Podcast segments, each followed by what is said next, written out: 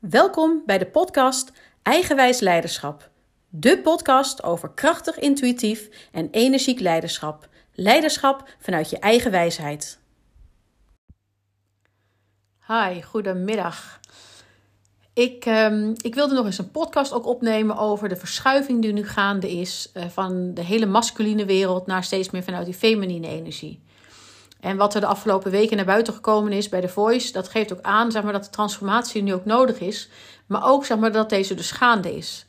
Want juist omdat het nu naar buiten komt, het zo breed uitgemeten wordt in de pers en vervolgens ook heel Nederland valt over de uitspraken van John de Mol. Eh, teksten die nu gedeeld worden over ik heet Peter, waarbij er wordt aangegeven dat eh, er meer CEO's zijn die Peter heten dan CEO's zijn die vrouw zijn.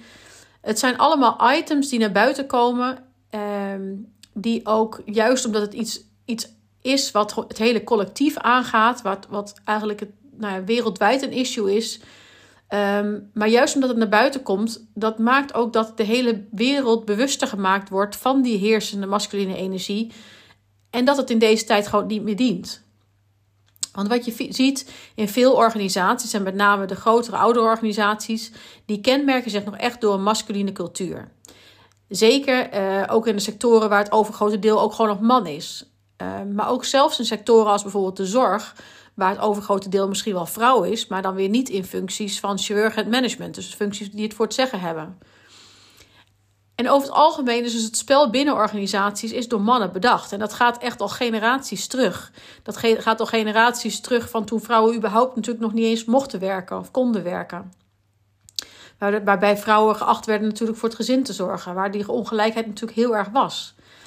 En die, uh, dat spel binnen organisaties, die, dat organisatiemodel wat er dus vanuit oudsher is, dat kenmerkt zich door een piramidevormige structuur. Waar uiteindelijk dus één persoon dan ook de baas is. En het voordeel bij zo'n organisatiesysteem is dat het, uh, dat het gezag en de lijnen duidelijk, duidelijk zijn. Maar het nadeel is dat er ook weinig ruimte is voor een open en eerlijke feedback een organisatiewaarden uh, die bij, bij de, deze vorm zijn, weet je, dat zijn, die zijn gebaseerd op uh, superioriteit, controle, macht. En eh, je ziet nou steeds meer ook een beweging gaande naar meer cirkelvormige organisaties. Dat, daar, hierbij zijn de organisatiewaarden zijn natuurlijk meer inleving, samenwerking. En komen thema's bijvoorbeeld als duurzaamheid ook steeds meer en meer naar voren. En je ziet ook dat de jongere generatie die het bedrijfsleven nu instroomt, hier meer en meer om vraagt. Eerlijk en ook communicatie, weinig hiërarchie, iedereen gelijk. En nou ja, wat we dus afgelopen week dus in het nieuws ook hoorden over dus inderdaad die misstanden bij de Voice, dat gaat echt over die oude organisatievorm, over oud leiderschap. Het betreft die hele masculine cultuur. En wat me dus ook opviel aan het interview met John de Mol, was dat hij in heel veel dingen feitelijk had hij wel gelijk. Weet je, feitelijk zat de betreffende bandleider niet op een positie waar hij macht had. Maar gevoelsmatig, vanuit inlevingsvermogen, emotioneel, is het essentieel dat je als leidinggevende dat je je kan voorstellen dat medewerkers, of in dit geval deelnemers, wel het gevoel hebben dat iemand macht heeft. Dat iemand in de positie is dat hij of zij kan bepalen dat jij een carrière gaat hebben in de muziek. Waarbij ik wel wil toevoegen ook dat het uh, niet zo is dat ik vond dat uh, John het fout deed in zijn interview. Het is dus ook niet goed of fout. Uh, het maakt alleen wel duidelijk dat hij totaal niet bewust is van deze dingen. Dat hij zijn feminine eigenschappen niet sterk ontwikkeld heeft. Waarbij het ook niet zo is dat masculine of feminine eigenschappen beter zijn dan de ander. Maar het gaat dus echt over balans.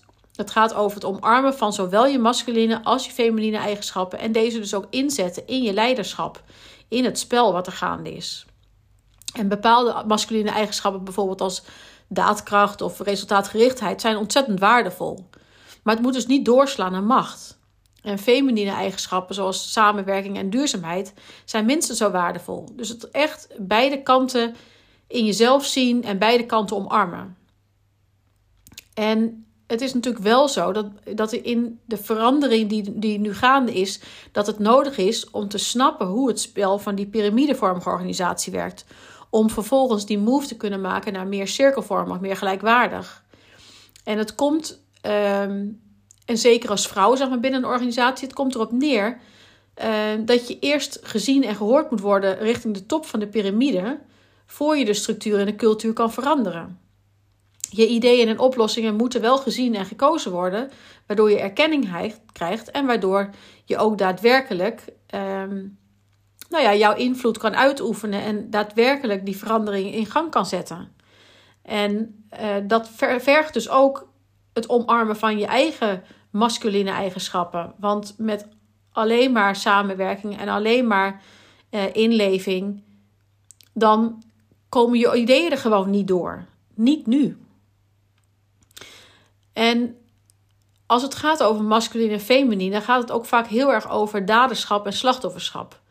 En dit zijn aspecten die in de familielijn van ons allemaal terugkomen. En we veroordelen vaak het daderschap en hebben sympathie voor het slachtofferschap. Of eigenlijk ergens mocht dat slachtofferschap er ook niet zijn. Maar vaak is het niet zo zwart-wit.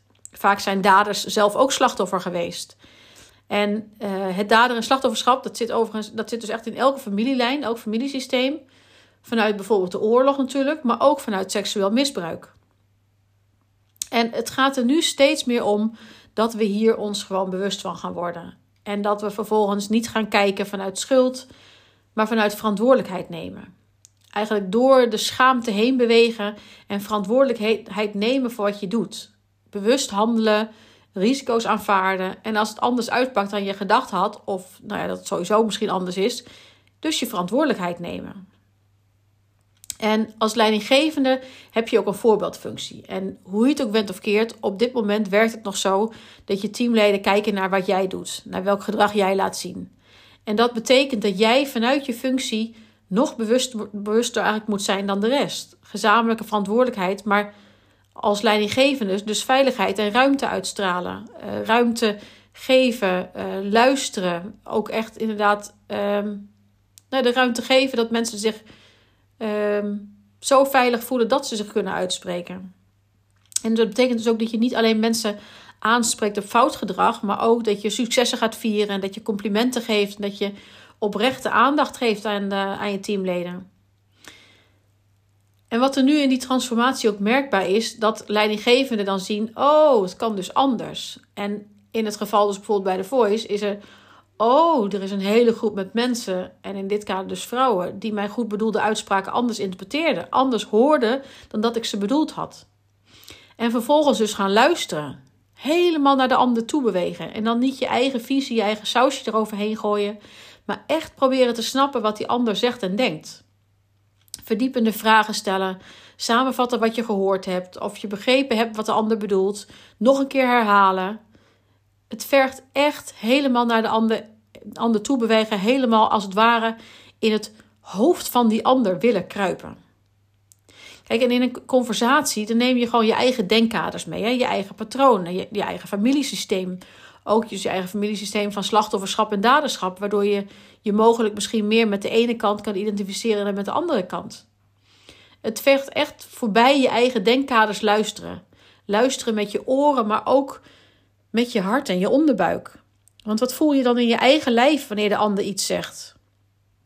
Ik heb al heel veel gehoord, inderdaad, die we zo bijvoorbeeld bij, bij dat interview van John zaten van, goh, ik, ik plofte zo wat uit elkaar toen ik dat hoorde. Terwijl een ander, en dat, dat zijn dan vaak de vrouwen, en de, en de mannen die, die zaten ernaast op de bank en die hadden zoiets, nou, het is toch allemaal prima wat hij zegt en ik weet weet niet wat je bedoelt.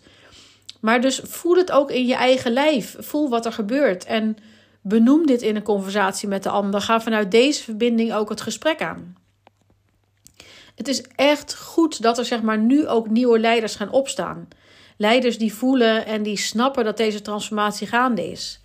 En weet je, we zullen met elkaar nog steeds fouten maken. En dan gaat het dus ook niet over dat we elkaar gaan wijzen op die fouten of de schuld bij iemand gaan neerleggen. Het gaat juist over, nou ja, over gezamenlijk leren van de fouten de fouten erkennen en dus voorbij de schaamte je ego-ding loslaten en vanuit daar je verantwoordelijkheid pakken.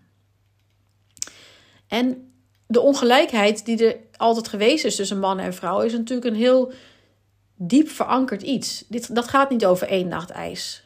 We zijn in die zin al veel verder dan hoe het generaties terug was, waarbij vrouwen nog amper werkten, amper iets in te brengen hadden. En dat oude zit dus echt nog in het collectief. Vrouwenvriendelijke grapjes zijn zo makkelijk gemaakt. En ook als vrouw is dat een soort van normaal geworden. Ik zit echt vanaf mijn zeventiende al in een mannenwereld. Vanuit studie en later mijn werk. En Ik ken niet anders. Ook een hand op mijn bil bewezen, bij wijze van kijk, kijk ik amper meer van op. Terwijl het natuurlijk niet normaal is. Ik kan me nou echt niet indenken dat ik door de kroeg loop en uit het niets mijn hand op de bil van een man zou leggen. Ik vind het echt ook haast lachwekkend. Maar andersom zijn we dat dus wel gaan accepteren.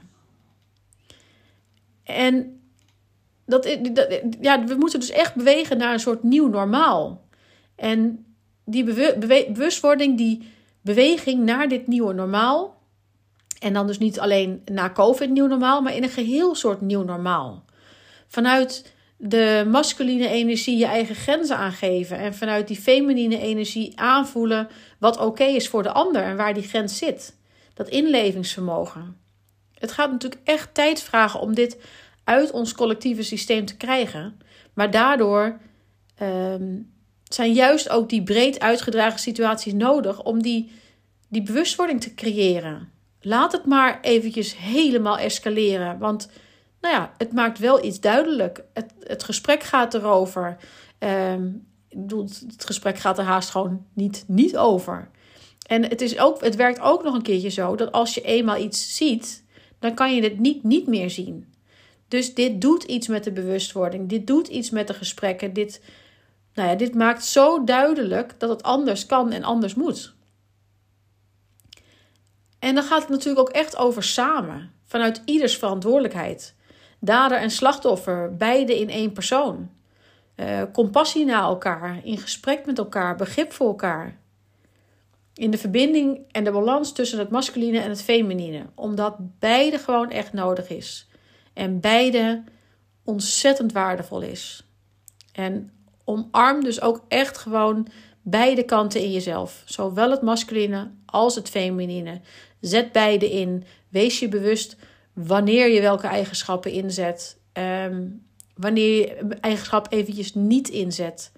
Ga dingen gewoon echt veel bewuster doen. Want dan gaan we met z'n allen echt die transformatie door, die veranderingen door. En nou ja, dan beetje bij beetje komt er steeds meer balans en gelijkwaardigheid in de wereld. Waar nou ja, de wereld ook echt op dit moment om vraagt.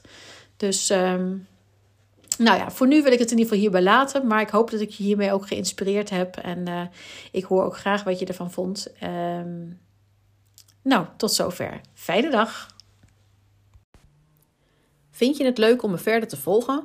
Anders gezegd, wil je niets van me missen? Abonneer je dan op mijn podcast. Ik ben sowieso erg benieuwd wat je van mijn podcast vindt en ik zou het enorm waarderen wanneer je een review achterlaat. Tot snel!